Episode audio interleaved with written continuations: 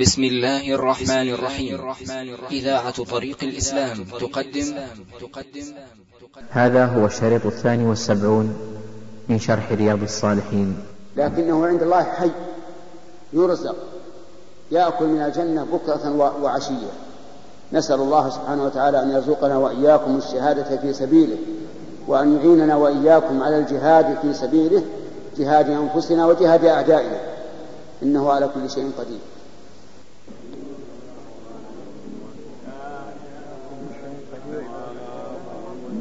لا إله إلا الله وحده لا شريك له وله الملك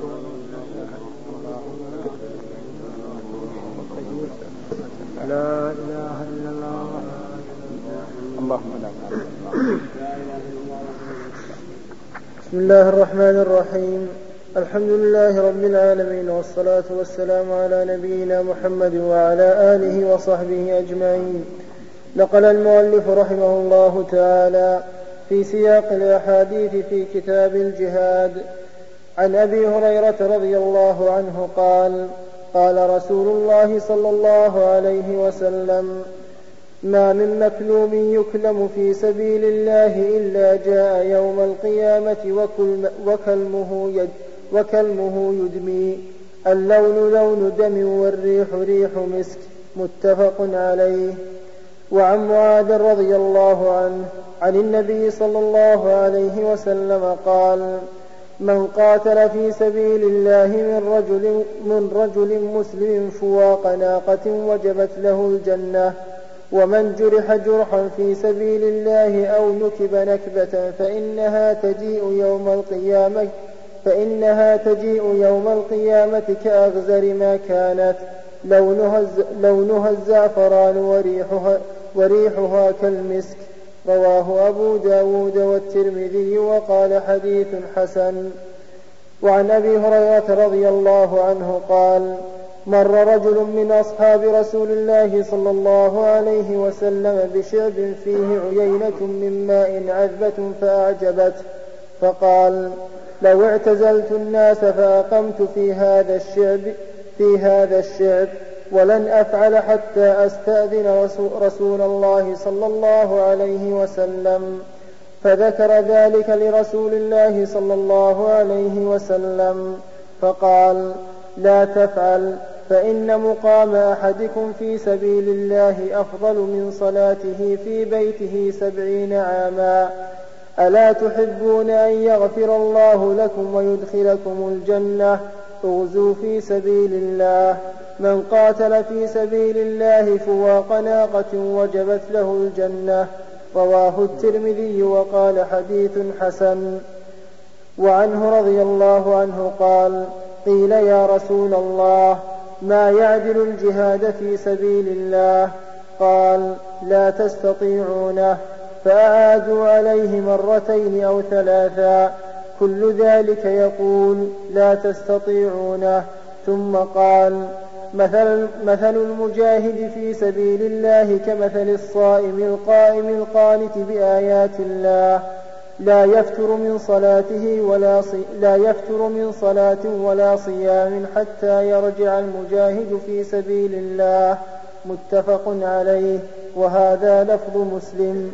وفي رواية البخاري أن رجلا قال يا رسول الله دلني على عمل يعدل الجهاد.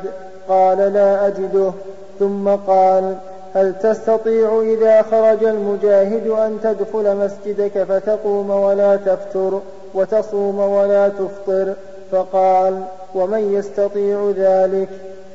وعنه رضي الله عنه أن رسول الله صلى الله عليه وسلم قال من خير معاش الناس لهم رجل ممسك بعنان فرسه في سبيل الله يطير على متنه كلما سمع كلما سمع هيعة أو فزعة طار على متنه يبتغي القتل يبتغي القتل أو الموت مضانة أو رجل في غنيمة أو شعفة من هذه الشعف أو بطن واد من هذه الأودية. يقيم الصلاة ويؤتي الزكاة ويعبد ربه حتى يأتيه اليقين. ليس من الناس إلا في خير. رواه مسلم. وعنه رضي الله عنه أن رسول الله صلى الله عليه وسلم قال إن في الجنة مئة درجة أعدها, أعدها إن في الجنة مئة درجة أعدها لل إن في الجنة مئة درجة أعدها الله للمجاهدين في سبيل الله ما بين السماء والأرض. رواه البخاري. وعن أبي سعيد الخدري رضي الله عنه أن رسول الله صلى الله عليه وسلم قال من رضي بالله ربا وبالإسلام دينا وبمحمد رسولا وجبت له الجنة فعجب لها أبو سعيد فقال أعدها, علي أعدها علي يا رسول الله فأعادها عليه ثم قال وأخرى يرفع الله بها العبد مئة درجة في الجنة. ما بين كل درجتين كما بين السماء والأرض. قال وما هي يا رسول الله؟ قال الجهاد في سبيل الله. الجهاد في سبيل الله. رواه مسلم. بسم الله الرحمن الرحيم. هذه أحاديث متعددة كلها في فضل الجهاد في سبيل الله. فمنها أي من الفضل في الجهاد في سبيل الله أن الإنسان إذا قتل شهيدا فإنه يأتي يوم القيامة وجرحه يدمي. اللون لون الدم والريح ريح المسك. يشهده الأولون والآخرون من هذه الأمة وغيرها بل وتشهده الملائكة في ذلك اليوم المشهود وهذا يوجب له الرفعة في الدنيا والآخرة. ومنها أن من قاتل فواق ناقة وهو ما بين الحلبتين فإنه تجب له الجنة. فإذا شهد الصف ولو بهذا المقدار يقاتل في سبيل الله لتكون كلمة الله العليا فإنها تجب له الجنة. ومنها أن الخارج للجهاد في سبيل الله له مثل أجر الصائم القائم من حين أن يخرج إلى أن يرجع والصائم القائم من حين أن يخرج المجاهد إلى أن يرجع هو الذي يساويه في الأجر عند الله عز وجل ولكن ذلك لا يستطاع. كما قاله النبي صلى الله عليه وعلى آله وسلم وقاله الصحابة له ومنها أن الله أعد للمجاهدين في سبيله مئة درجة في الجنة كل درجة بينها وبين الأخرى مثل ما بين السماء والأرض. أعدها الله للمجاهدين في سبيله. فهذه الأحاديث وأمثالها وهي كثيرة جدا تدل على فضل الجهاد في سبيل الله. والجهاد في سبيل الله يكون بالمال ويكون بالنفس لكنه بالنفس أفضل وأعظم أجرا لأن كل هذه الأحاديث التي سمعناها كلها في من جاهد بنفسه ومن جاهد بماله فهو على خير. وقد ثبت عن النبي صلى الله عليه وعلى آله وسلم أنه من جهز غازيا في سبيل الله فقد غزا. فقد غزا أي كتب له أجر الغازي. ومن خلفه في أهله في خير فقد غزا. فنسأل الله سبحانه وتعالى أن يجعلنا وإياكم من المجاهدين في سبيل الله. ابتغاء وجه الله إنه على كل شيء قدير. نقل المؤلف رحمه الله تعالى في سياق الأحاديث في كتاب الجهاد عن أبي, بك عن أبي بكر بن أبي موسى الأشعري رضي الله عنه قال سمعت أبي رضي الله عنه وهو, وهو بحضرة العدو يقول قال رسول الله صلى الله عليه وسلم إن أبواب الجنة تحت ظلال السيوف. إن أبواب الجنة تحت ظلال السيوف. فقام رجل رث الهيئة فقال يا أبا موسى أأنت سمعت رسول الله صلى الله عليه وسلم يقول هذا؟ قال نعم. فرجع إلى أصحابه فقال أقرأ عليكم السلام. ثم كسر جفن ثم كسر جفن سيفه فألقاه. ثم مشى بسيفه إلى العدو فضرب به حتى قتل. رواه مسلم. وعن عبد الرحمن بن جبير رضي الله عنه قال قال رسول الله صلى الله عليه وسلم ما اغبرت قدم عبد في سبيل الله فتمسه النار رواه البخاري. وعن أبي هريرة رضي الله عنه قال قال رسول الله صلى الله عليه وسلم لا يلج النار رجل بكى من خشية الله حتى يعود اللبن في الضرع ولا يجتمع على عبد غبار في سبيل الله ودخان جهنم. رواه الترمذي وقال حديث حسن صحيح. وعن ابن عباس رضي الله عنهما قال سمعت رسول الله صلى الله عليه وسلم يقول عينان لا تمسهما النار. عين بكت من خشية الله وعين باتت تحرس في سبيل الله. رواه الترمذي وقال حديث حسن. وعن زيد بن خالد رضي الله عنه أن رسول الله صلى الله عليه وسلم قال من جهز غازيا في سبيل الله فقد غزا ومن خلف غازيا في أهله بخير فقد غزا. متفق عليه. وعن أبي أمامة رضي الله عنه قال قال رسول الله صلى الله عليه وسلم أفضل الصدقات ظل فسطاط في سبيل الله ومنيحة, ومنيحة خادم في سبيل الله أو طروقة فحل في سبيل الله. رواه الترمذي وقال حديث حسن صحيح. وعن أنس رضي الله عنه أن فتى من أسلم قال يا رسول الله إني أريد الغزو وليس معي ما أتجهز به. قال ائت فلانا فإنه قد كان تجهز فمرض فأتاه فقال إن رسول الله صلى الله عليه وسلم يقرئك السلام ويقول أعطني الذي تجهزت به. قال يا فلانة أعطيه الذي كنت تجهزت به ولا تحبسين منه شيئا فوالله لا تحبسي منه شيئا فيبارك لك فيه رواه مسلم. وعن أبي سعيد الخدري رضي الله عنه أن رسول الله صلى الله عليه وسلم بعث إلى بني لحيان فقال لينبعث من كل رجلين أحدهما والأجر بينهما رواه مسلم. وفي رواية له ليخرج من كل من كل رجلين رجل. ثم قال للقاعد أيكم خلف الخارج في أهله وماله بخير كان له مثل نصف أجر الخارج. وعن البراء رضي الله عنه قال أتى النبي صلى الله عليه وسلم رجل مقنع بالحديد فقال يا رسول الله أقاتل أقاتل أو أسلم؟ فقال أسلم ثم قاتل. فأسلم ثم قاتل فقتل. فقال رسول الله صلى الله عليه وسلم عمل قليلا وأجر, وأجر كثيرا. متفق عليه. وهذا لفظ البخاري.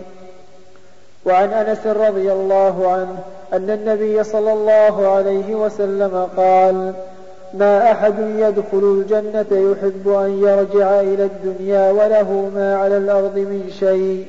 إلا الشهيد يتمنى أن يرجع إلى الدنيا فيقتل عشر مرات لما يرى من الكرامة. وفي رواية لما يرى من فضل الشهادة متفق عليه. وعن عبد الله بن عمرو بن العاص رضي الله عنهما أن رسول الله صلى الله عليه وسلم قال يغفر الله للشهيد كل شيء إلا الدين رواه مسلم.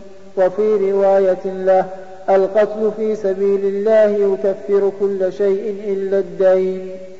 وعن أبي قد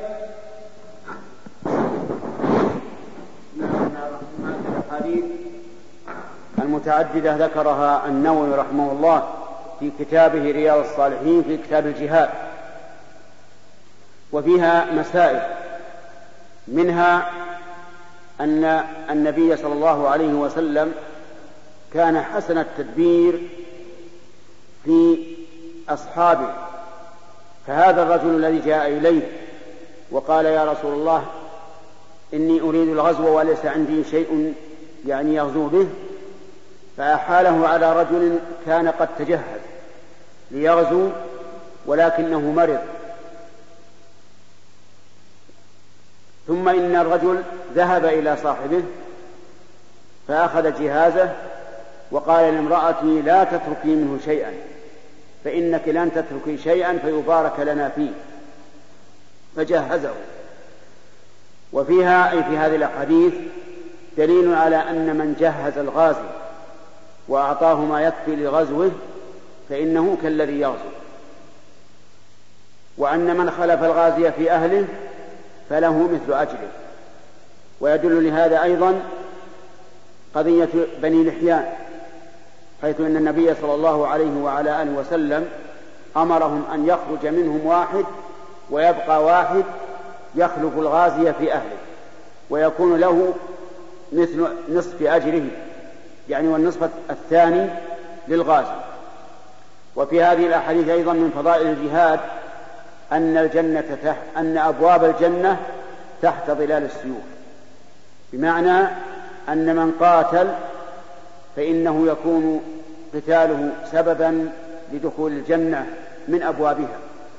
وقد ثبت عن النبي صلى الله عليه وعلى آله وسلم أن في الجنة بابا يقال له باب الجهاد يدخله من يجاهد في سبيل الله. وفيها أيضا من الأحاديث أن الشهادة تكفر كل شيء من الأعمال إلا الدين يعني إلا دين الآدمي فإن الشهادة لا تكفره وذلك لأن الدين الآدمي لا بد من إيفائه إما في الدنيا وإما في الآخرة.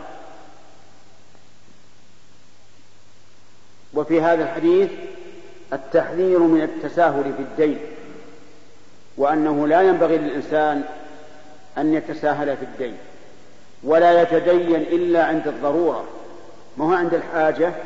عند الضرورة القصوى لأن النبي صلى الله عليه وعلى آله وسلم لم يأذن للرجل الذي قال زوجني فقال أصدق المرأة قال ليس عندي إلا إزاري قال إزارك ما لا ينفعها إن أعطيتها إياه بقيت بلا إزار وإن أبقيته عليك بقيت بلا مهر. التمس ولو خاتما من حديد فالتمس فلم يجد.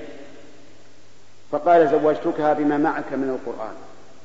ولم يقل استقرض من الناس مع أنه زواج حاجة ملحة.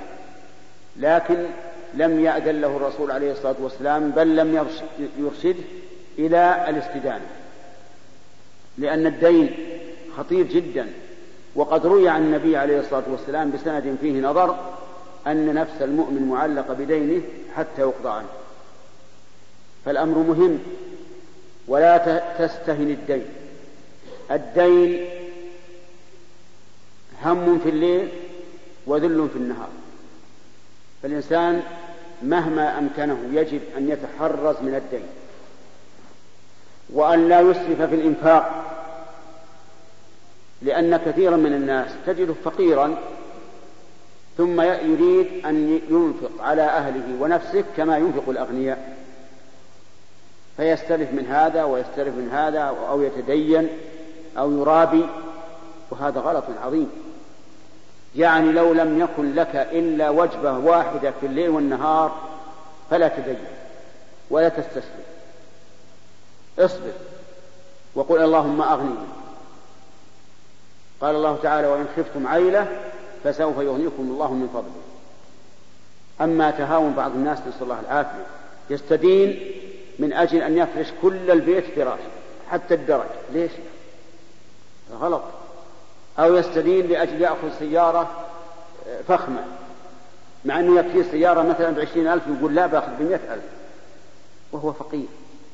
هذا من سوء التصرف ومن ضعف الدين ومن قلة المبالاة. لأن الدين لا تكفر حتى الشهادة في سبيل الله. لا تكفر الدين. فكيف تستدين؟ إلا عند الضرورة. وأقول عند الضرورة. ليس الحاجة. يعني حتى لو كانك محتاج وتحب الكماليات لا تدين. لا تشري شيئا ليس معك ثمن. اصبر حتى يرزقك الله ثم اشتري على قد الحال. ولهذا من الأمثال العامية الصحيحة مد رجلك على قدر الحال. إن مددتها أكثر طلعت البراد والشمس وغير ذلك.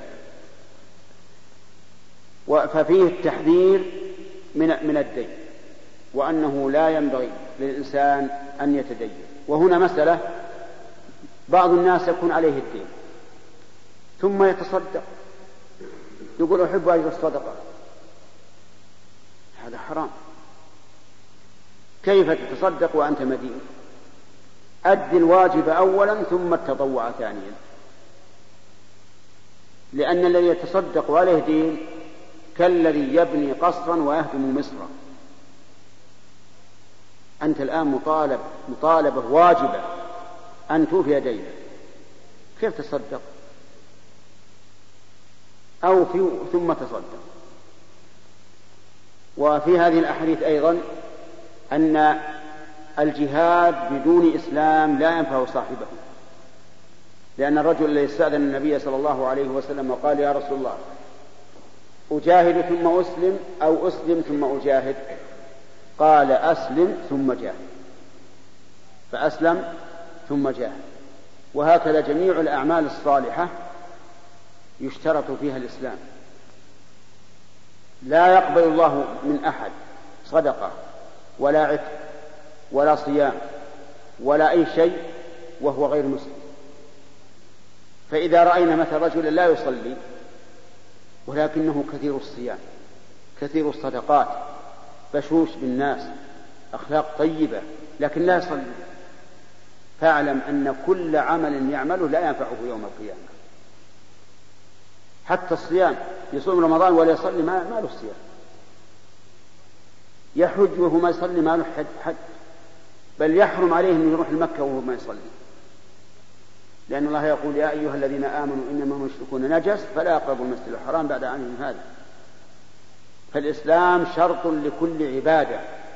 لا تقبل أي عبادة إلا بإسلام. ولا تصح أي عبادة إلا بإسلام. والله موفق.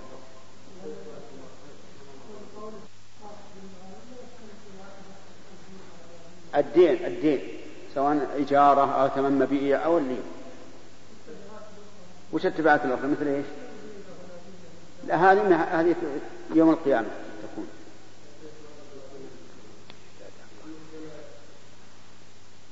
نعم.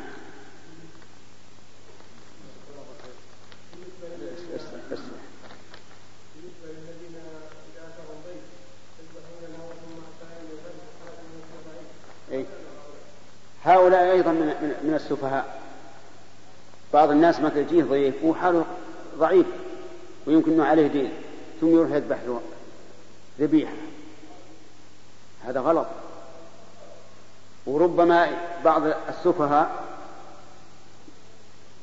يطلق زوجته لأجل أن يذبح. إذا قال الضيف لا تكلف لا تذبح قال عليها الطلاق أنه يذبح. سبحان الله. لكن المشكلة الناس يحتاجون توعية. وأنت يا شيخ حمد ممن يتجول في القرى فجزاك الله خير أكد على هذه المسألة.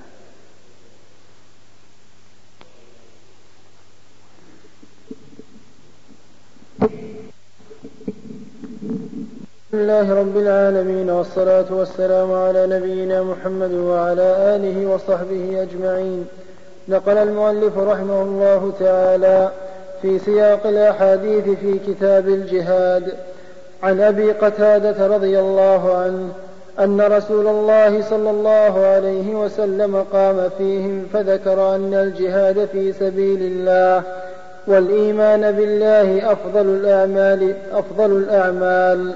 فقام رجل فقال يا رسول الله أرأيت إن قتلت في سبيل الله؟ أتكفر عني خطاياي؟ فقال رسول الله صلى الله عليه وسلم نعم إن قتلت في سبيل الله وأنت صابر محتسب مقبل غير مدبر.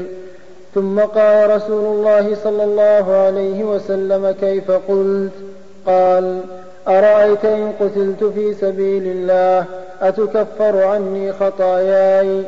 فقال له رسول الله صلى الله عليه وسلم نعم. وأنت صابر محتسب مقبل غير, غير مدبر. إلا الدين فإن جبريل عليه السلام قال لي ذلك. رواه مسلم. وعن جابر رضي الله عنه قال قال رجل أين أنا يا رسول الله إن قتلت؟ قال في الجنة. فألقت فألقى تمرات كن في يده ثم قاتل حتى قتل. رواه مسلم.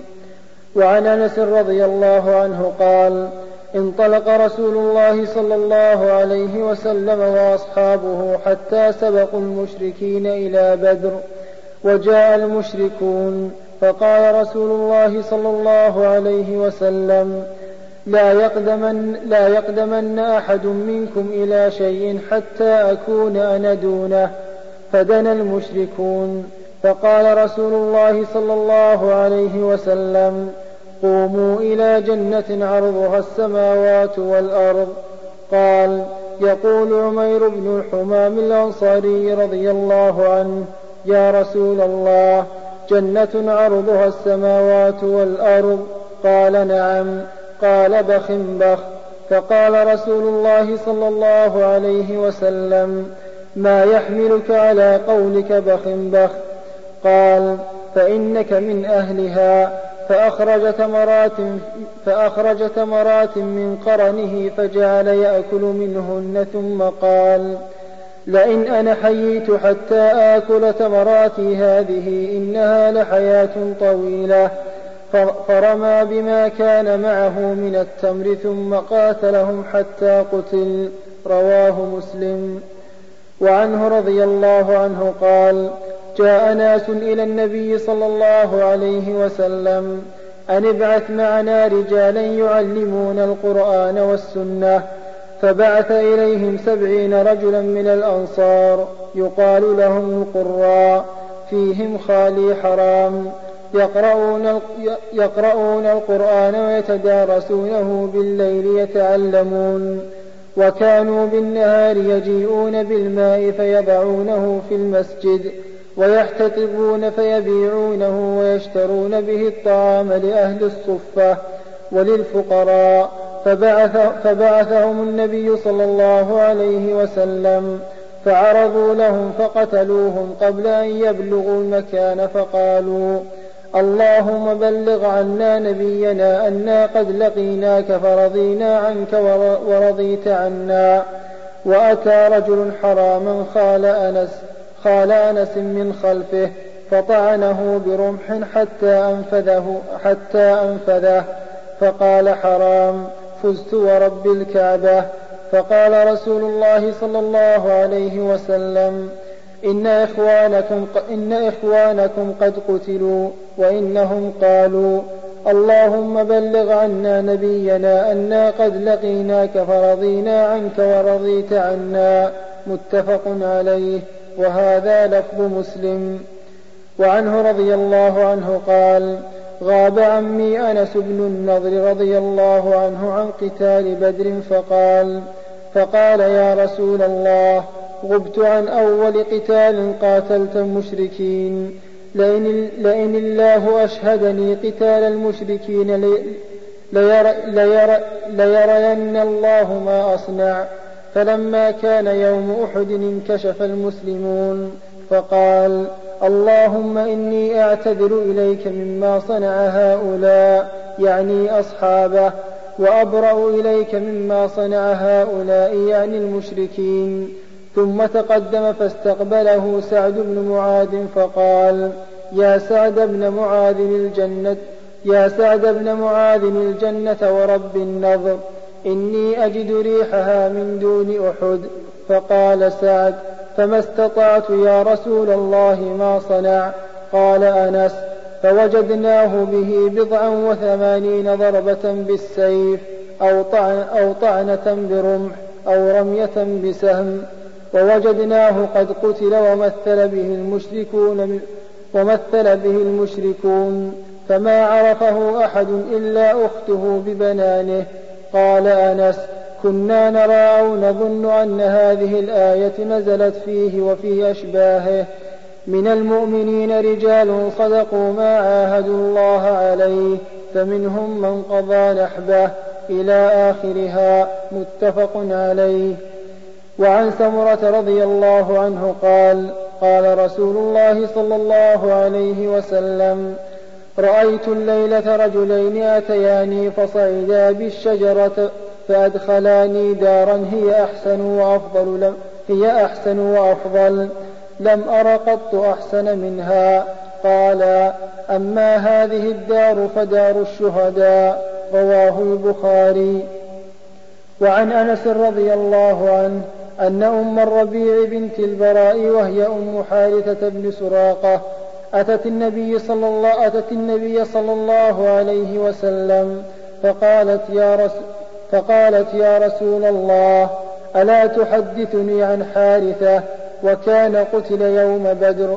فإن كان في الجنة صبرت وإن كان غير ذلك اجتهدت عليه في البكاء. فقال يا أم حارثة إنها جنان في الجنة وإن ابنك أصاب الفردوس الأعلى. رواه البخاري.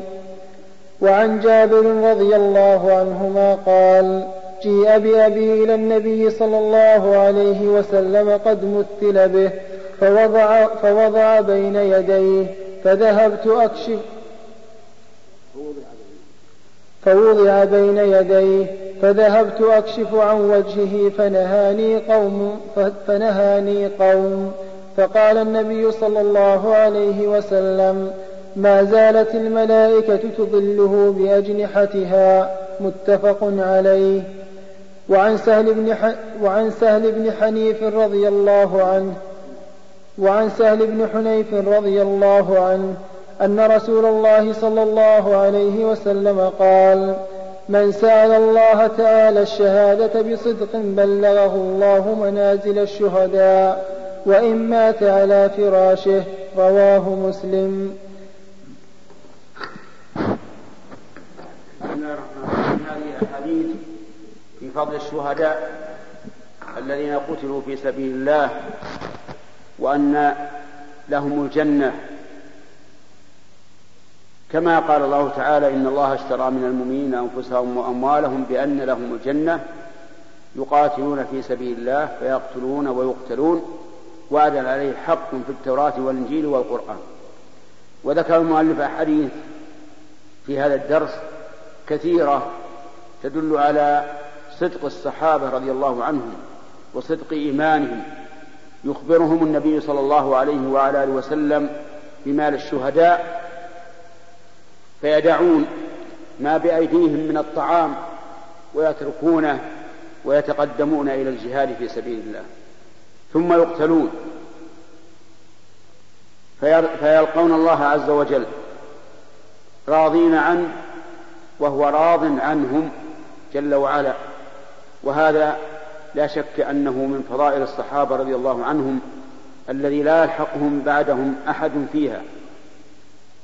هذا عمير بن حمام الأنصاري رضي الله عنه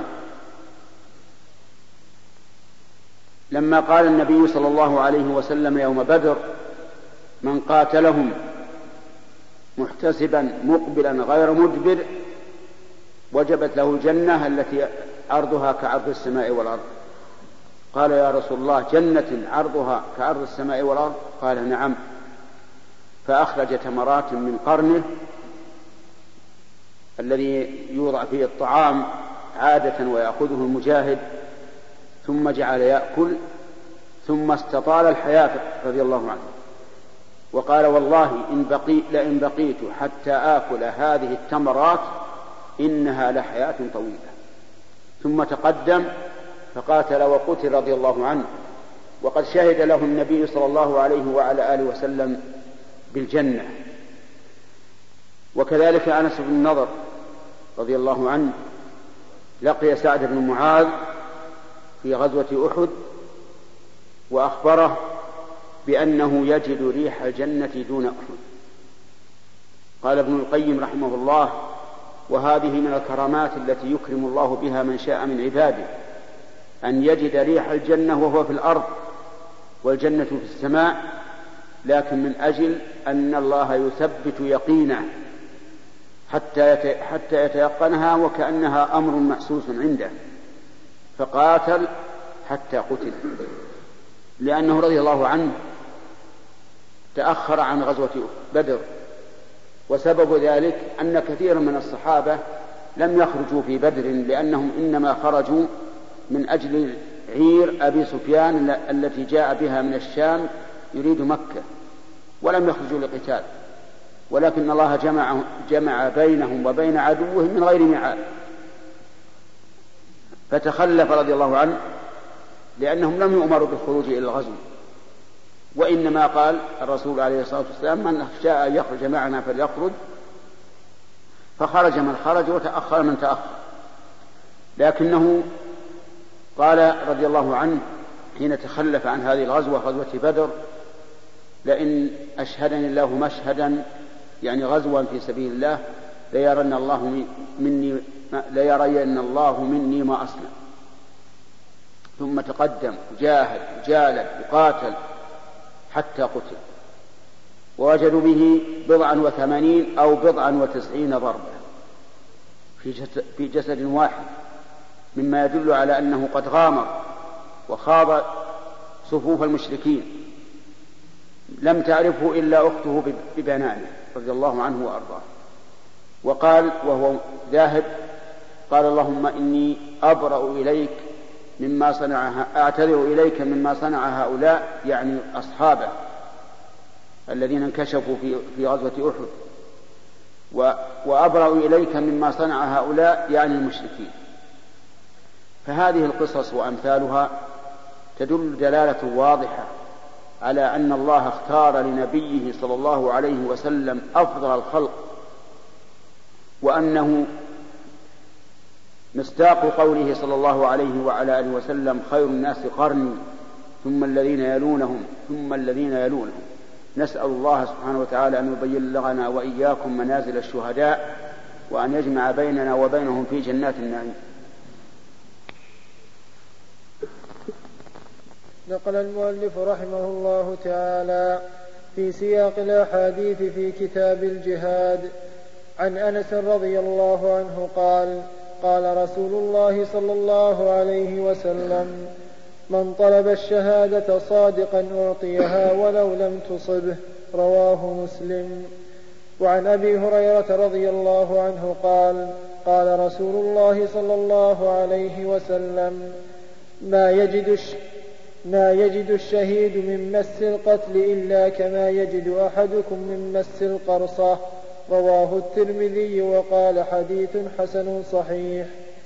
وعن عبد الله بن أبي أوفى رضي الله عنهما أن رسول الله صلى الله عليه وسلم في بعض أيامه التي لقي فيها العدو انتظر حتى مالت الشمس انتظر حتى مالت الشمس ثم قام في الناس فقال أيها الناس لا تتمنوا لقاء العدو واسألوا الله العافية.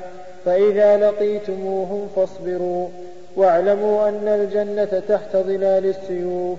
ثم قال اللهم منزل الكتاب ومجري السحاب وهازم الأحزاب اهزمهم وانصرنا عليهم.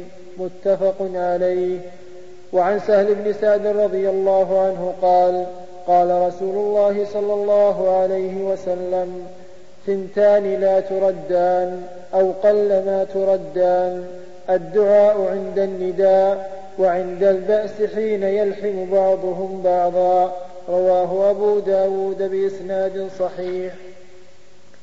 وعن أنس رضي الله عنه قال كان رسول الله صلى الله عليه وسلم إذا غزا قال اللهم أنت عبدي ونصيري بك أحول وبك أصول وبك أقاتل. رواه أبو داود والترمذي وقال حديث حسن. وعن أبي موسى رضي الله عنه أن النبي صلى الله عليه وسلم كان إذا خاف قوما قال اللهم إنا نجعلك في نحورهم ونعوذ بك من شرورهم. رواه أبو داود بإسناد صحيح. وعن ابن عمر رضي الله عنهما أن رسول الله صلى الله عليه وسلم قال الخيل معقود في نواصيها الخير إلى يوم القيامة متفق عليه. وعن عروة البارقي رضي الله عنه أن النبي صلى الله عليه وسلم قال الخيل معقود في نواصيها الخير إلى يوم القيامة الأجر والمغنم متفق عليه. وعن أبي هريرة رضي الله عنه قال قال رسول الله صلى الله عليه وسلم من احتبس فرسا في سبيل الله إيمانا بالله وتصديقا بوعده فإن شبعه, فإن شبعه وريه وروثه وبوله في ميزانه يوم القيامة رواه البخاري. وعن أبي مسعود رضي الله عنه قال جاء رجل إلى النبي صلى الله عليه وسلم بناقة مخطومة فقال هذه في سبيل الله.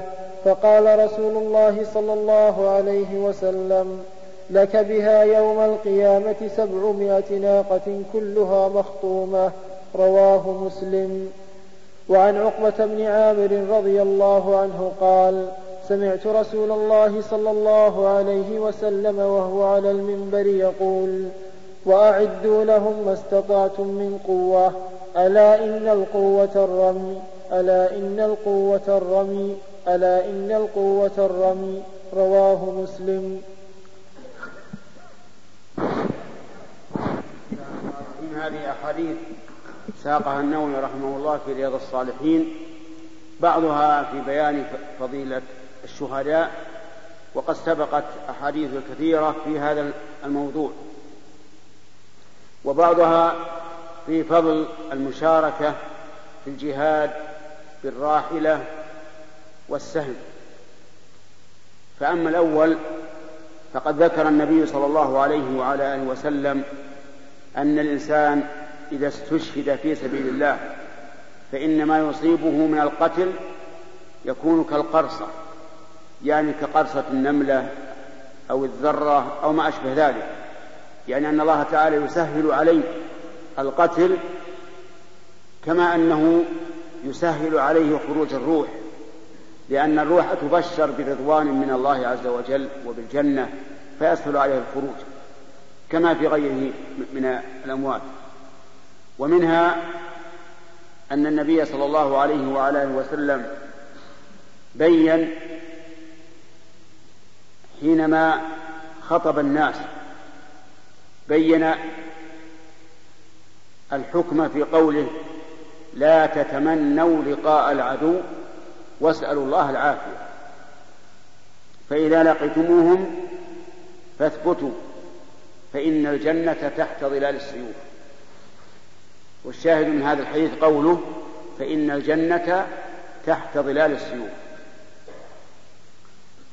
ومنها أي من فضائل الجهاد في سبيل الله عز وجل أن الإنسان الذي يشارك براحلة يكتب له بذلك أجرها. كما قال النبي عليه الصلاة والسلام الخيل معقود في نواصيها الخير إلى يوم القيامة. والمراد بالخير خيل الجهاد لأنه فسر هذا الخير بقوله الأجر والمغنم وهذا إنما يكون في خيل الجهاد. فخيل الجهاد في نواصيها الخير إلى يوم القيامة. ويحتمل أن يكون الحديث عاما أي الخيل كلها سواء كانت مما يجاهد عليه أو لا للعموم.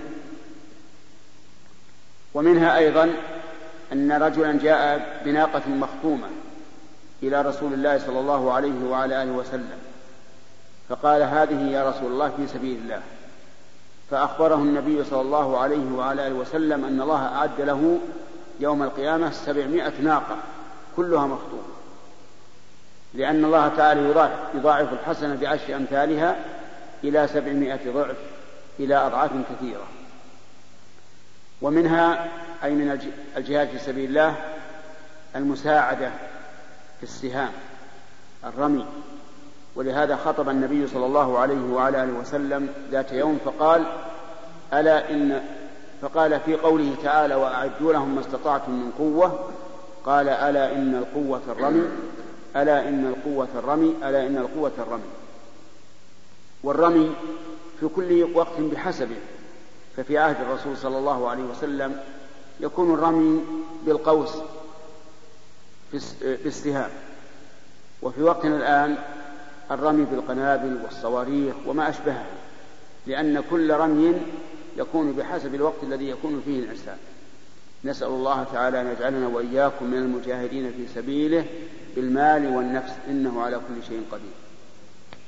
نقل المؤلف رحمه الله تعالى في سياق الأحاديث في كتاب الجهاد عن عقبة بن عامر رضي الله عنه قال سمعت رسول الله صلى الله عليه وسلم يقول ستفتح عليكم أرضون ويكفيكم الله فلا يعجز أحدكم أن يلهو بأسهمه رواه مسلم.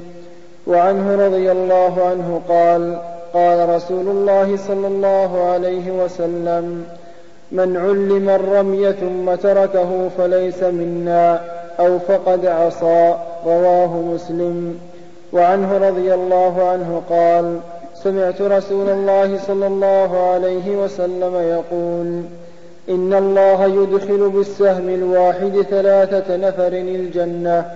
صانعه يحتسب في صنعته الخير والرامي به ومنبله. وارموا واركبوا وأن ترموا أحب إلي من أن تركبوا. ومن ترك الرمي بعدما علمه عنه فإنها نعمة تركها. أو قال كفرها. رواه أبو داود. وعن سلمة بن الأكوع رضي الله عنه قال مر النبي صلى الله عليه وسلم على نفر ينتظلون فقال ارموا بني إسماعيل فإن أباكم كان راميا. رواه البخاري. وعن عمرو بن عبسة رضي الله عنه قال سمعت رسول الله صلى الله عليه وسلم يقول من رمى بسهم في سبيل الله فهو له عدل فهو له عدل محررة. رواه أبو داود والترمذي وقال حديث حسن صحيح.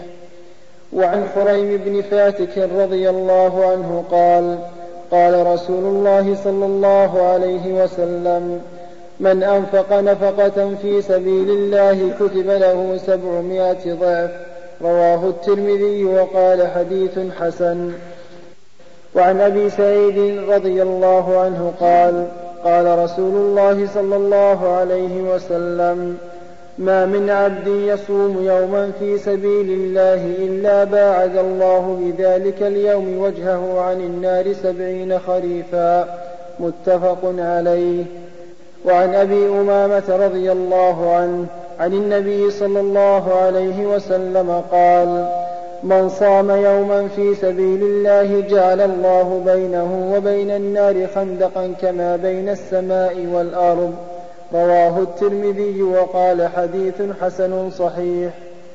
وعن أبي هريرة رضي الله عنه قال قال رسول الله صلى الله عليه وسلم من مات ولم يغزو ولم يحدث نفسه بالغزو مات على شعبة من النفاق. رواه مسلم.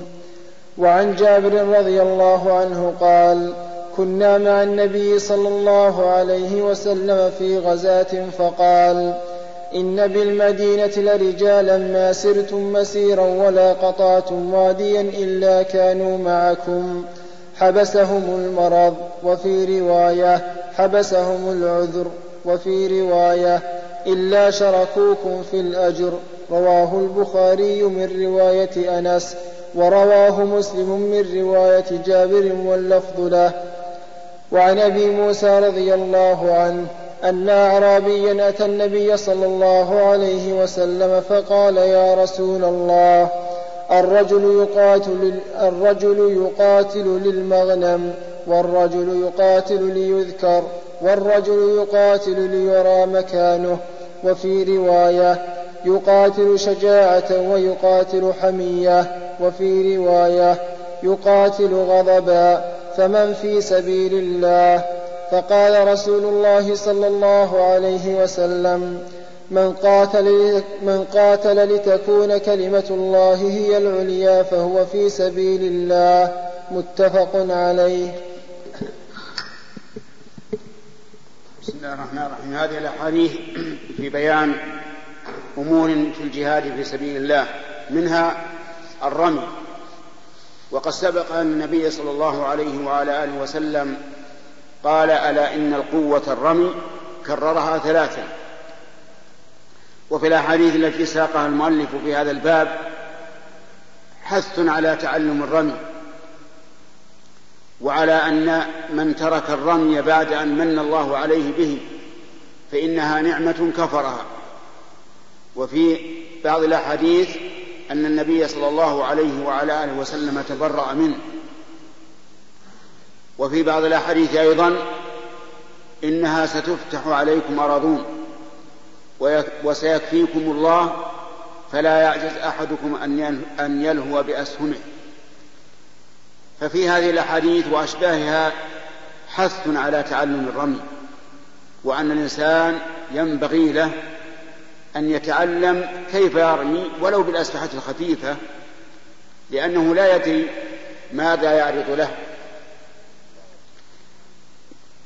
حتى أن النبي صلى الله عليه وعلى آله وسلم أجاز أجاز العوض في المسابقة في الرمي يعني مثلا يترامى اثنين في البندق أو شبهها من السلاح ويجعلون بينهم عوض. اللي يظلم منهم يأخذه. هذا أيضا لا بأس به. وجائز. لما في ذلك من الحث على تعلم الرمي وفي هذه الأحاديث أن النبي صلى الله عليه وعلى آله وسلم قال اركبوا وارموا وأن ترموا أحب إلي من أن تركبوا. لأن الرمي يدركه الإنسان الراكب والراجل أما الركوب فلا يدركه إلا من ركب.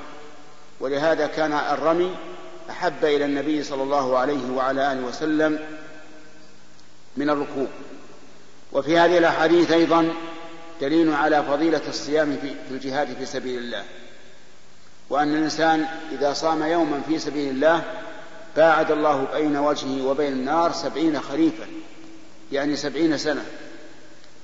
وفي أيضا في, في, في هذه الأحاديث دليل على وجوب إخلاص النية لله.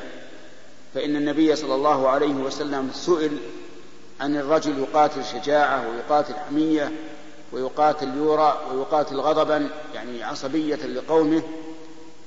فمن في سبيل الله؟ قال من قاتل لتكون كلمة الله هي العليا فهو في سبيل الله.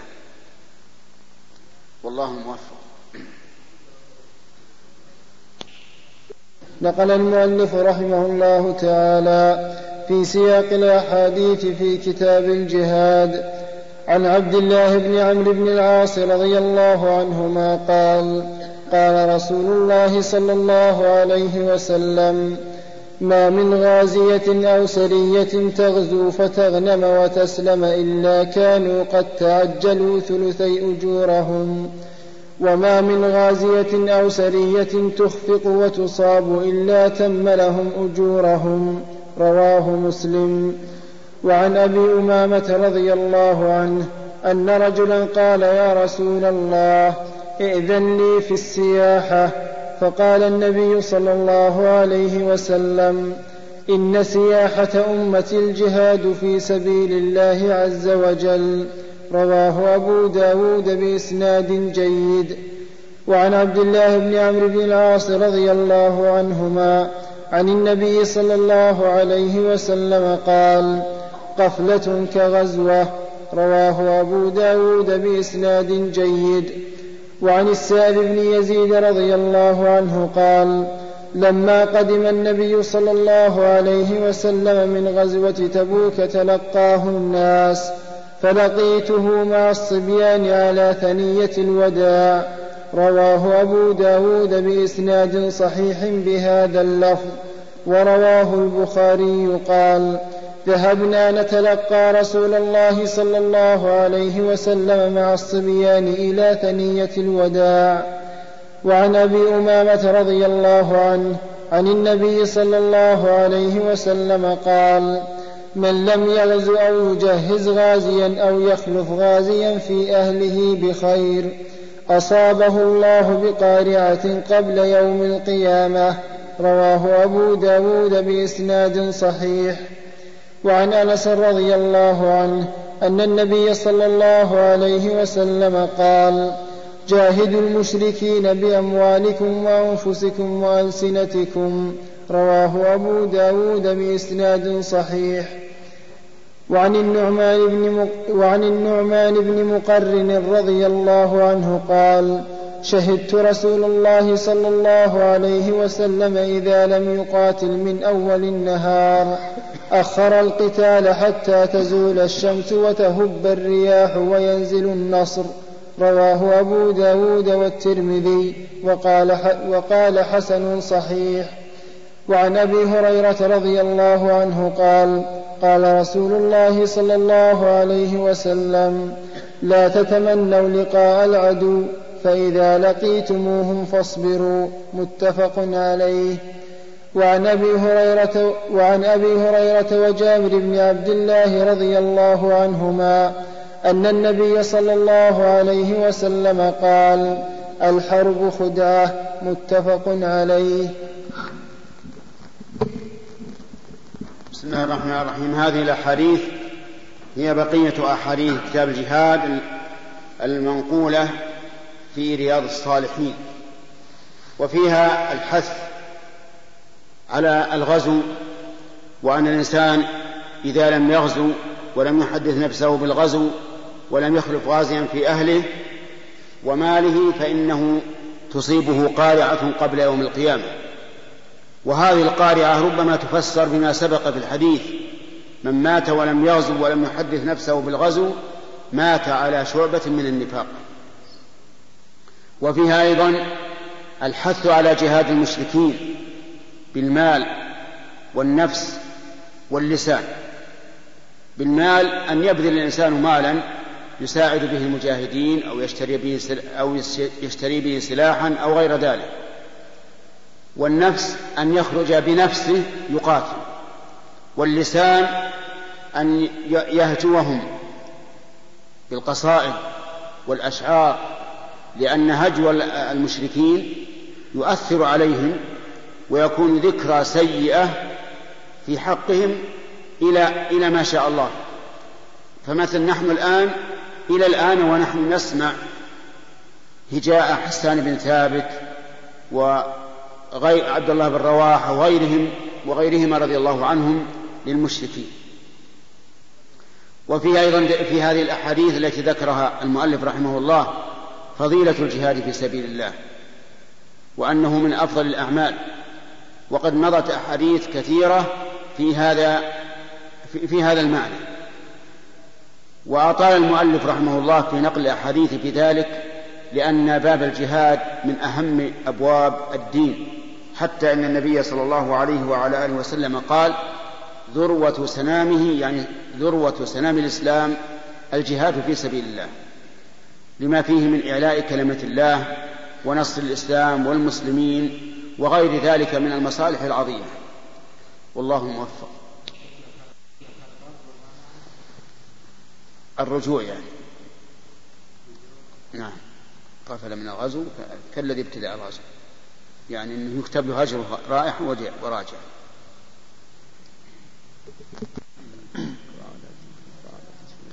بسم الله الرحمن الرحيم. الحمد لله رب العالمين والصلاة والسلام على نبينا محمد وعلى آله وصحبه أجمعين. قال رحمه الله تعالى باب بيان جماعة من الشهداء في ثواب الآخرة.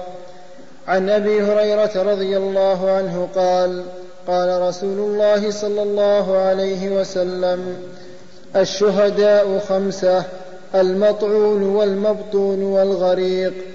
وصاحب الهدم والشهيد في سبيل الله متفق عليه.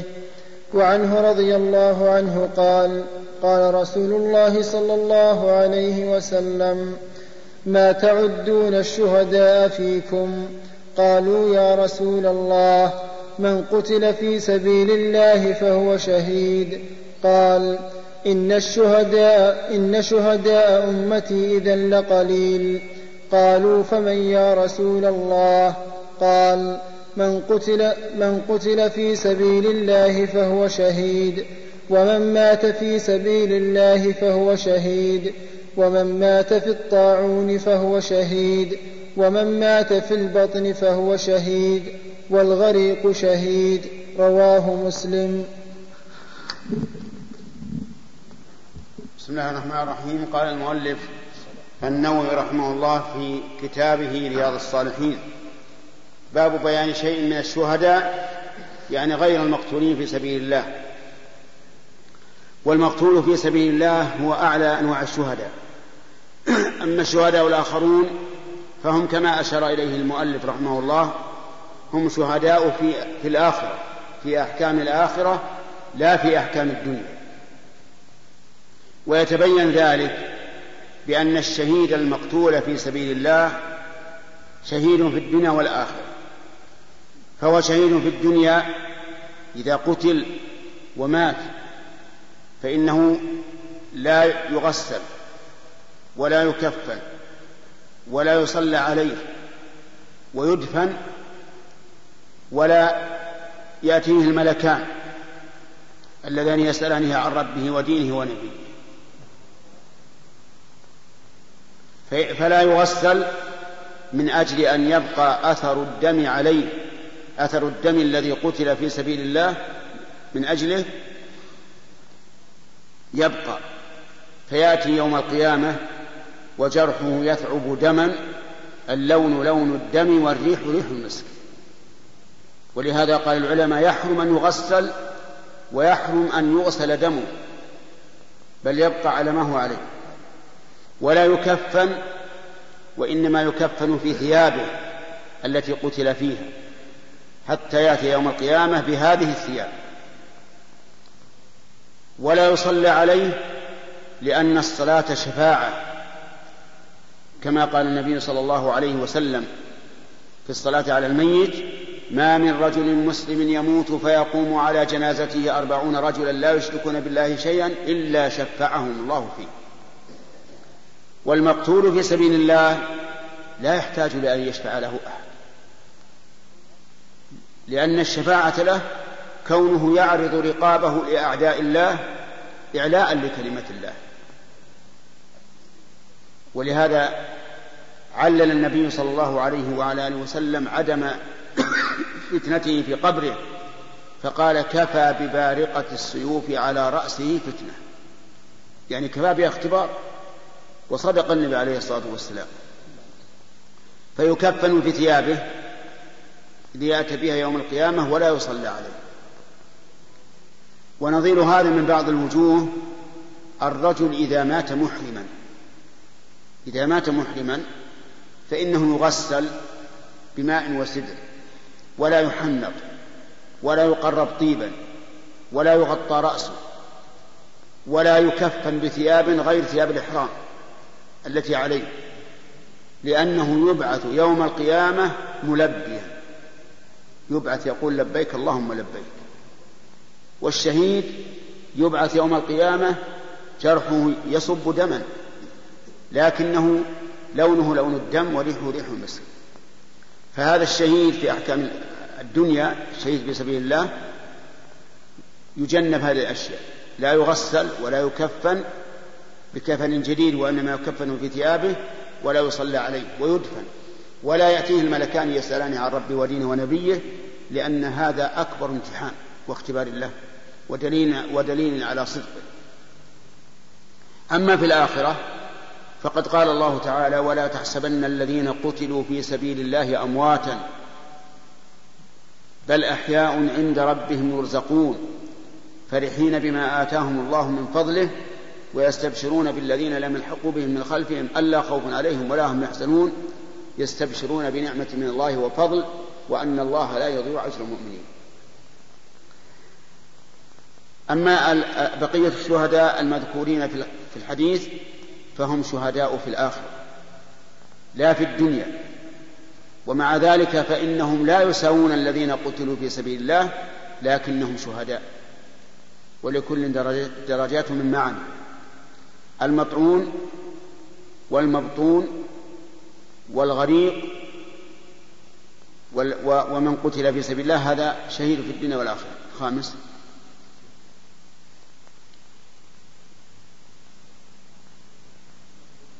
نعم وصاحب الهدي.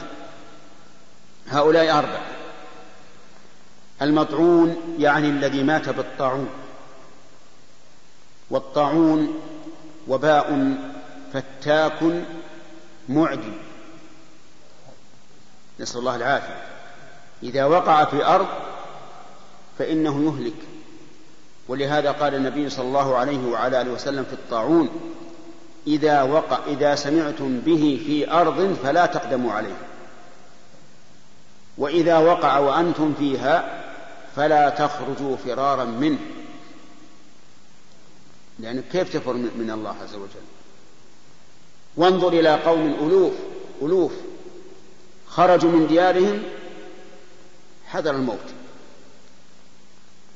فقال الله فقال لهم الله موتوا فماتوا وهم ألوف هربوا من الموت ولكن الله تعالى بين أراد أن يبين لهم أنه لا مفر من الله جل وعلا. قال لهم الله موتوا فماتوا ثم أحياهم ليتبين أنه لا مفر من قدر الله عز وجل. لكن نحن نفعل الأسباب التي أمرنا بها. أما التي لم نؤمر بها التي نهينا عنها فلا. ولهذا قال إذا وقع وأنتم في أرض فلا فلا تخرجوا منها فرارا منه. هذا المطعون إذا مات في الطاعون كان شهيدا. الثاني المبطون. والمبطون هو الذي أصابه داء البطن. ويشبه والله أعلم ما يسمونه آه الآن بالغاشية غاشية تصيب الإنسان في بطنه ثم يموت. هذه هذه إذا مات بها الإنسان فإنه يكون شهيدا. والثالث الغريق. الذي يغرق إما بأمطار عظيمة أو يقع في النهر أو في البحر أو ما أشبه ذلك فإنه يكون من الشهداء في الآخرة. ولهذا ولهذا أمر الإنسان أن يتعلم السباحة. فالإنسان مأمور أن يتعلم السباحة حتى إذا حصل مثل هذه الأشياء أمكنه أن يتوقى منها. وأما الرابع فهو من مات بهدم. يعني رجل هدم عليه البيت أو الجدار أو ما أشبه ذلك فإنه يكون شهيدا. لأن هؤلاء كلهم ماتوا بحوادث مميتة سريعة. وهل يقاس عليهم مثلهم كالذي يموت بحادث أو بصدم أو ما أشبه ذلك؟ الله أعلم. قد يقاسون على هذا ويقال لا فرق بين أن ينهدم الجدار أو أن تنقلب السيارة لأن كل حادث مات به الإنسان فيحكم على من مات بهذا الحادث أنه شهيد لكننا لا نجزم به لأن مسائل الجزاء عقوبة أو مثوبة ليس فيها قياس. فالحاصل أن هناك شهداء غير المقتولين في سبيل الله. ومن ذلك أيضا من مات في سبيل الله وإن لم يقتل فهو شهيد. لكنه شهيد في الآخرة. كرجل خرج مع المجاهدين ومات. ميتة طبيعية. فهذا أيضا من الشهداء. لكن شهيد آخرة أما في الدنيا فإنه يغسل ويكفن ويصلى عليه ويدفن مع الناس كالشهداء الذين ذكرهم الرسول عليه الصلاة والسلام وهم من مات بهدم أو غرق أو طاعون أو بطن والله الموفق اللهم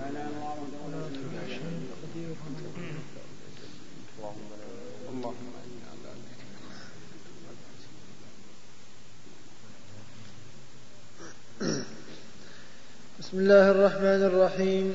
الحمد لله رب العالمين والصلاة والسلام على نبينا محمد وعلى آله وصحبه أجمعين.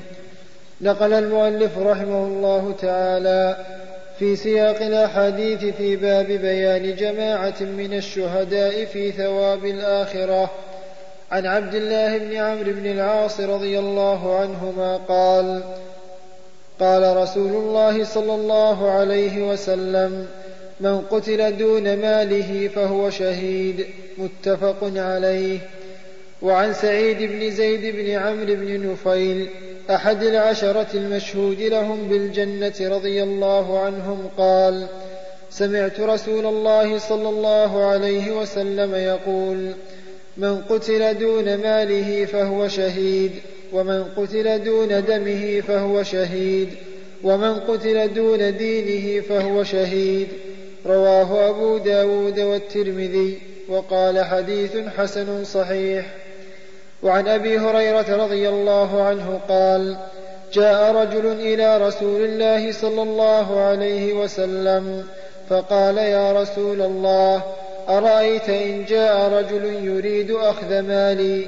قال فلا تعطه مالك قال أرأيت إن قاتلني؟ قال قاتله قال أرأيت إن قتلني؟ قال فأنت شهيد. قال أرأيت إن قتلته؟ قال هو في النار. رواه مسلم. بسم الله الرحمن الرحيم. هذه بقية الأحاديث في بيان الشهداء في ثواب الآخرة. منها ما في حديث عبد الله بن عمرو بن العاص رضي الله عنه وعن أبيه أن النبي صلى الله عليه وعلى آله وسلم قال من قتل دون ماله فهو شهيد. يعني إذا أتاك أحد يريد أخذ مالك فدافعت عنه حتى قتلت فأنت شهيد. وفي الحديث الأخير أن رجلا سأل النبي صلى الله عليه وعلى آله وسلم قال يا رسول الله أرأيت إن جاء أحد يريد أخذ مالي؟ قال فلا تعطه مالك. قال أرأيت إن قاتلني؟ قال قاتله. قال أرأيت إن قتلني؟ قال فأنت شهيد. قال أرأيت إن قتلته؟ إن قتلته؟ قال هو في النار. فدل ذلك على أن الإنسان يدافع عن ماله. إذا جاء أحد يريد أخذ المال فإنك تدافع. فإذا لم يندفع إلا بالقتل فاقتل. وإن اندفع بدون ذلك فلا تقتل. يعني لو أمكن أن تكون أنت أقوى منه وتشد يديه ورجليه وتأسره فلا تقتله لأنه لا حاجة لقتله.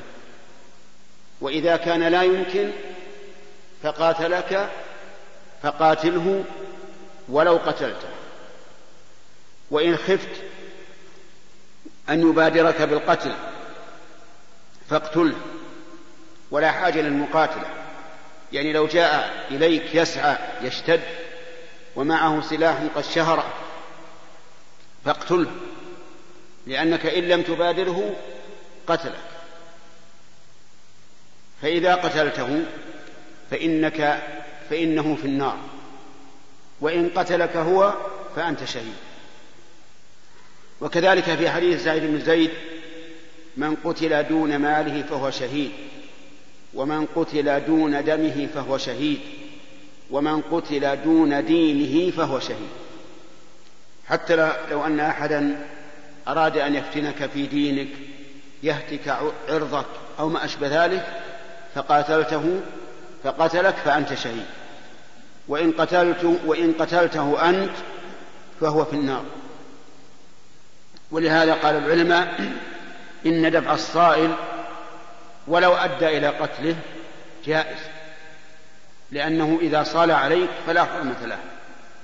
لكن إذا اندفع بما دون القتل فلا تقتله نسأل الله تعالى أن يعيذنا وإياكم من الفتن ما ظهر منها وما بطن.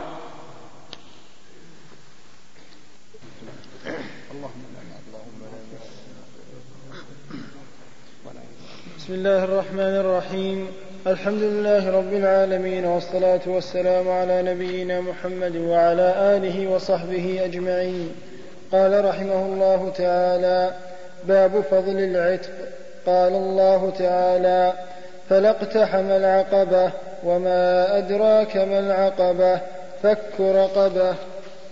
عن أبي هريرة رضي الله عنه قال قال لي رسول الله صلى الله عليه وسلم من أعتق رقبة مسلمة أعتق الله بكل عضو منه عضوا منه من النار حتى فرجه بفرجه متفق عليه. باب فضل الإحسان إلى المملوك. قال الله تعالى واعبدوا الله ولا تشركوا به شيئا وبالوالدين إحسانا وبذي القربى واليتامى والمساكين والجار ذي القربى والجار الجنب والصاحب بالجنب وابن السبيل وما ملكت أيمانكم عن المعور بن سويد رضي الله عنه قال رأيت أبا ذر رأيت أبا ذر رضي الله عنه وعليه حلة وعلى غلامه مثلها فسألته عن ذلك فذكر أنه ساب رجلا على عهد رسول الله صلى الله عليه وسلم فعيره بأمه فقال النبي صلى الله عليه وسلم إنك امرؤ فيك جاهلية هم إخوانكم وخول وخولكم جعلهم الله تحت أيديكم. فمن كان أخوه تحت يده فليطعمه مما يأكل ويلبسه مما يلبس ولا تكلفوهم ما, يغلب ما يغلبهم. فإن كلفتموهم فأعينوهم. متفق عليه. وعن أبي هريرة رضي الله عنه عن النبي صلى الله عليه وسلم قال إذا أتى أحدكم خادمه بطعامه ف... إذا أتى أحدكم خادمه بطعامه فإن لم يجلسه معه فليناوله, فليناوله لقمة فليناوله لقمة أو لقمتين أو أكلة أو أكلتين فإنه فإنه ولي ولي علاجه. فإنه ولي علاجه. رواه البخاري. بسم الله الرحمن الرحيم. قال المؤلف في كتابه رياض الصالحين باب فضل العتق. العتق هو تحرير الرقاب يعني أن يكون هناك إنسان مملوك فيأتي شخص فيعتقه. ويحرره ابتغاء وجه الله عز وجل. هذا من فهذا من أفضل الأعمال. قال الله تعالى فلا اقتحم العقبة وما أدراك ما العقبة فك رقبة أو إطعام في يوم ذي مسقبة يتيما ذا مقربة أو مسكينا ذا متربة ثم كان من الذين آمنوا. اقتحم العقبة يعني رق صعدها على مشقة. والعقبة هي الطريق المرتفع. ومعلوم أن اقتحام العقبات صعب وشاق. كذلك إعتاق الرقاب صعب على النفوس لأن فيه إخراج المملوك عن ملكه وهو شاق. وقوله فك رقبة يشمل العتق ويشمل فك الأسير من العدو. فإن هذا من فك الرقاب. ففي الآية دليل على فضيلة العتق. ثم ذكر المؤلف ما ثبت عن النبي صلى الله عليه وعلى آله وسلم أن من أعتق عبدا أعتق الله بكل عضو منه أي من العتيق عضوا منه أي من المعتق من النار. حتى الفرج بالفرج. يعني أنك إذا اعتقت عبدا أعتق الله كل بدنك من النار. لأنك أعتقت هذا العبد من النار من الرق فيعتقك, فيعتقك الله تعالى من النار. ثم ذكر فضل الإحسان إلى المملوك وصدر هذا بقوله تعالى واعبدوا الله ولا تشركوا به شيئا وبالوالدين إحسانا وبذي القربى واليتامى والمساكين وابن السبيل والجار ذي القربى والجار الجنب والصاحب بالجنب وابن السبيل. واعبدوا الله ولا تشركوا به شيئا. اعبدوا الله يعني أطيعوا الله. فعبادة الله هي طاعته بامتثال أمره واجتناب نهيه. وهذا هو الذي خلق العباد من أجله. قال الله تعالى وما خلقت الجن والإنس إلا ليعبدون. ما خلقنا الله لنأكل ونشرب ونلبس ونسكن ونتمتع. لا هذه كلها وسائل. الغاية هي العبادة. وما خلقت الجن والإنس إلا ليعبدون فمن لم يعبد الله أو عبد مع الله غيره أو لم يعبد أحدا فإنه أضاع دينه ودنياه. لأنه أضاع ما خلق من أجله.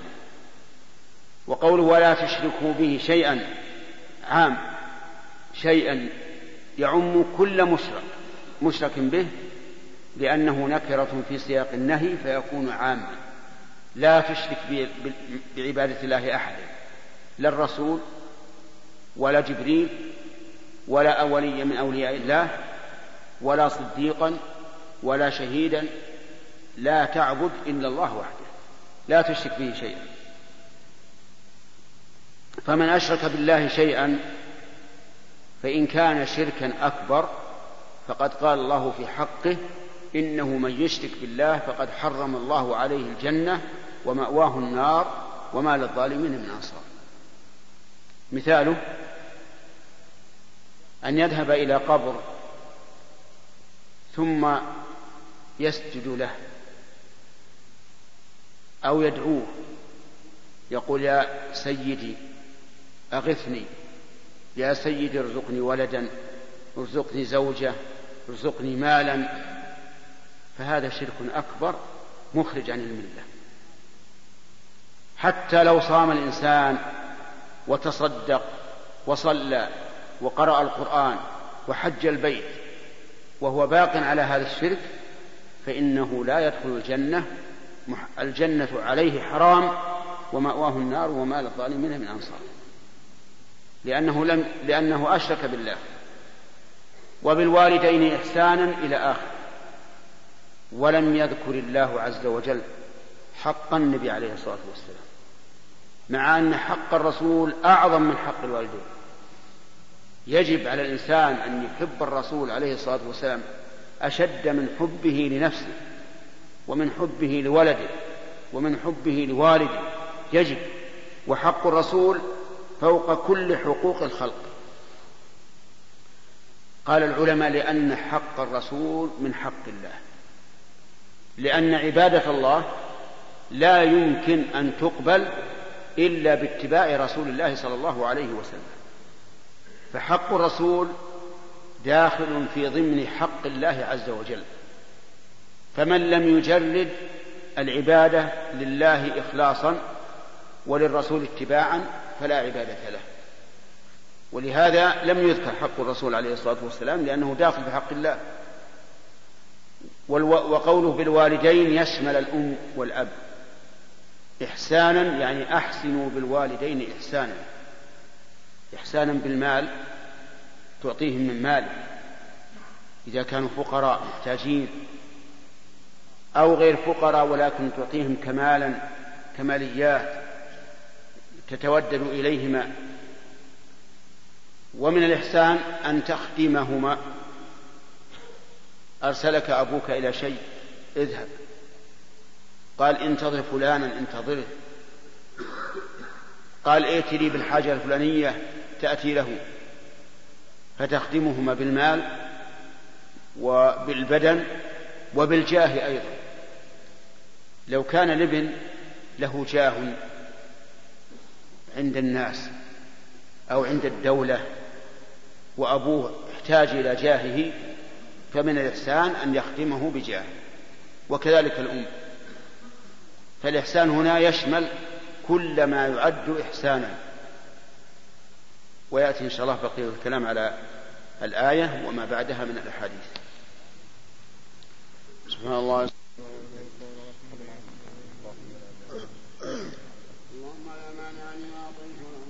بسم الله الرحمن الرحيم. الحمد لله رب العالمين والصلاة والسلام على نبينا محمد وعلى آله وصحبه أجمعين.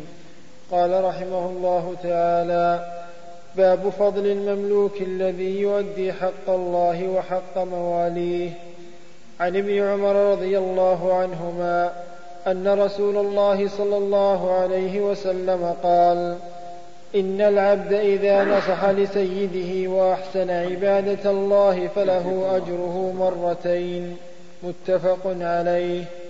وعن أبي هريرة رضي الله عنه قال قال رسول الله صلى الله عليه وسلم للعبد المملوك المصلح أجران والذي نفس أبي هريرة بيده لولا الجهاد في سبيل الله والحج وبر أمي.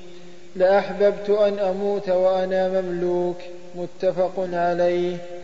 وعن أبي موسى الأشعري رضي الله عنه قال قال رسول الله صلى الله عليه وسلم المملوك الذي يحسن عبادة ربه ويؤدي إلى سيده الذي عليه من الحق والنصيحة والطاعة له أجران.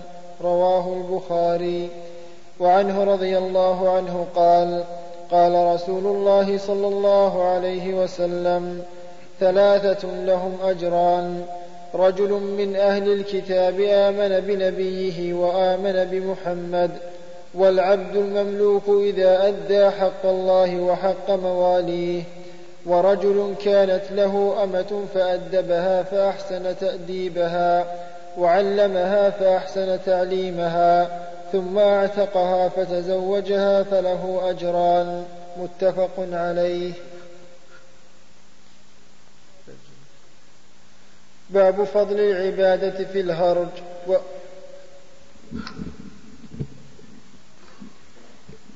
بسم الله الرحمن الرحيم. هذا الباب عقده المؤلف رحمه الله في كتابه رياض الصالحين في باب فضل العتق ليبين ما جاءت به الأحاديث أن المملوك إذا قام بحق الله وحق العباد كان بحق الله وحق سيده كان له الأجر مرتين.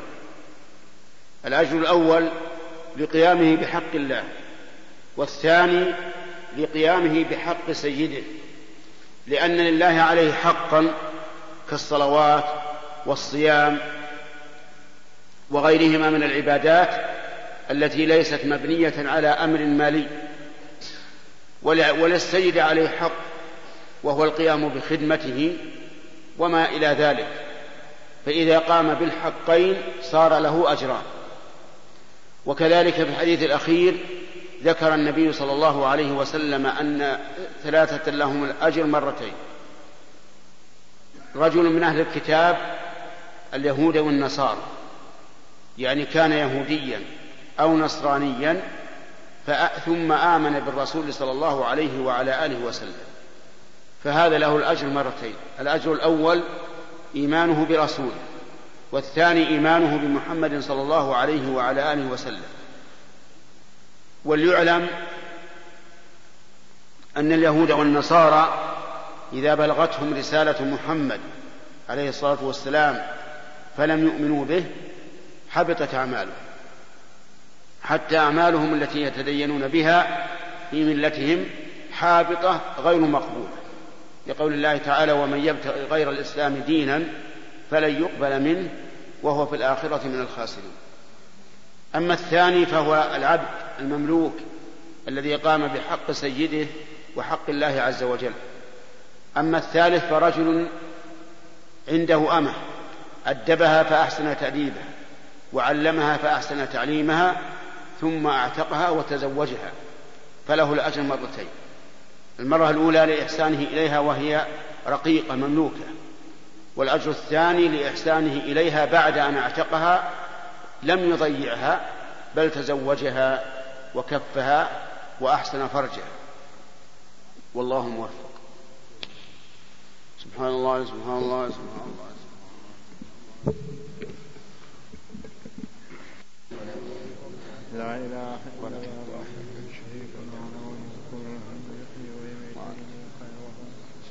اللهم لا مانع لما ولا معطي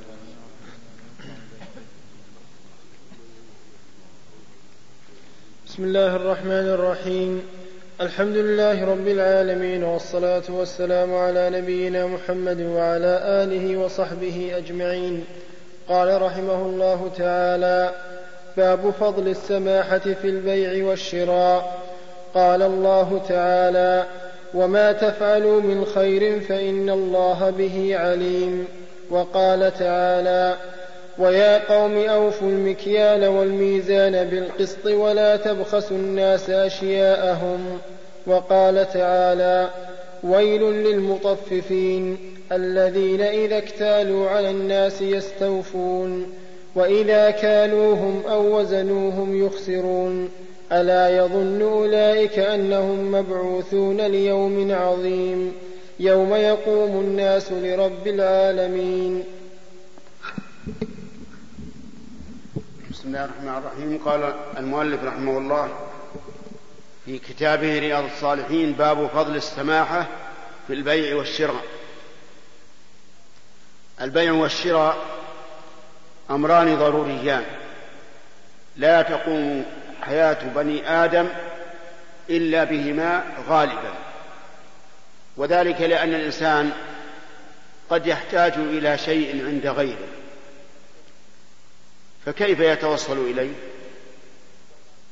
إن استجداه وقال هبه لي أذل نفسه وإن استعاره بقي في قلق وإن أخذه غصبا ظلمه فكان من حكمة الله عز وجل أن شرع البيع والشراء.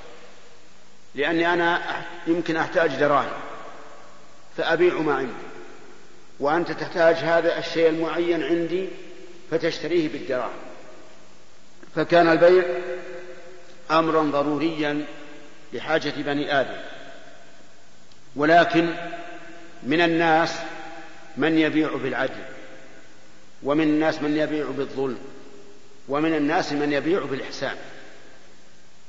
فالناس ثلاثة أقسام. قسم يبيع بالعدل لا يظلم ولا يظلم. كما قال تعالى في الذين يتعاملون بالربا إن تبتم فلكم رؤوس أموالكم لا تظلمون ولا تظلمون. وقسم يبيع بالجور والظلم. كالغشاش والكذاب وما أشبه ذلك. وقسم يبيع بالفضل والإحسان. فيكون سمحا في البيع وفي الشراء. إن باع لم يطلب حقه وافيا بل ينزل من الثمن ويمهل في القضاء. وإن اشترى لا لا يهمه أن تزيد أن يزيد عليه الثمن ويبادر بالوفاء فيكون محسنا. وقد استدل المؤلف رحمه الله على فضل السماحة في البيع والشراء بآيات منها قوله تعالى وما تفعلوا من خير فإن الله به عليم كلمة من خير نكرة. في سياق الشرط فتعم جميع الخيرات في من أي جهة؟ وهي أيضا مؤكدة بالعموم مؤكدة مؤكد عمومها بمن من خير. يعني أي خير يكون تفعلونه فإن الله به عليم. يعني لا يخفى عليه ولا يفوته عز وجل. وسيجازيكم على هذا أفضل مما عملتم لأن الله تعالى يجازي بالحسنة عشر أمثالها إلى سبعمائة ضعف إلى أضعاف كثيرة. والمراد بالآية الكريمة المراد بذلك الحث على فعل الخير وأن يعلم الفاعل أنه أنه لن يضيع عليه شيء من فعله فإن الله به عليم وسيجازيه عليه عز وجل أفضل الجزاء. ومن الخير السماحة في البيع والشراء. وقد دعا النبي صلى الله عليه وسلم للمتسامحين في البيع والشراء فقال رحم الله امرأ عبدا رحم الله امرأ سمحا إذا باع سمحا إذا اشترى سمحا إذا قضى سمحا إذا اقتضى. فالإنسان كلما كان أسمح في بيعه وشرائه وتأجيره واستئجاره ورهنه وارتهانه وغير ذلك فإنه أفضل. وقال الله تعالى عن شعيب أنه قال لقومه يا قوم أوفوا المكيال والميزان بالقسط ولا تبخسوا الناس أشياء. أوفوا المكيال أي ما تبيعونه كيلا وما والميزان ما تبيعونه وزنا. أوفوه ولا تنقصوا منه شيئا. وهذا دليل على أن الوفاء بالعقود مما جاءت به الشرائع السماوية السابقة واللاحقة. وقال تعالى ويل للمطففين الذين إذا اكتالوا على الناس يستوفون. ويل كلمة وعيد. يتوعد الله عز وجل المطففين الذين هذه صفتهم. إذا اكتالوا على الناس يستوفون. يعني إذا كان الحق لهم. واكتالوا فإنهم يستوفون حقهم كاملا. وإذا كالوهم أو وزنوهم يخسرون. يعني إذا كان الحق عليهم وكالوا لهم أو وزنوا لهم يخسرون أي يبخسون الكيل والميزان. مع تحيات إخوانكم بإذاعة طريق الإسلام. والسلام عليكم ورحمة الله وبركاته.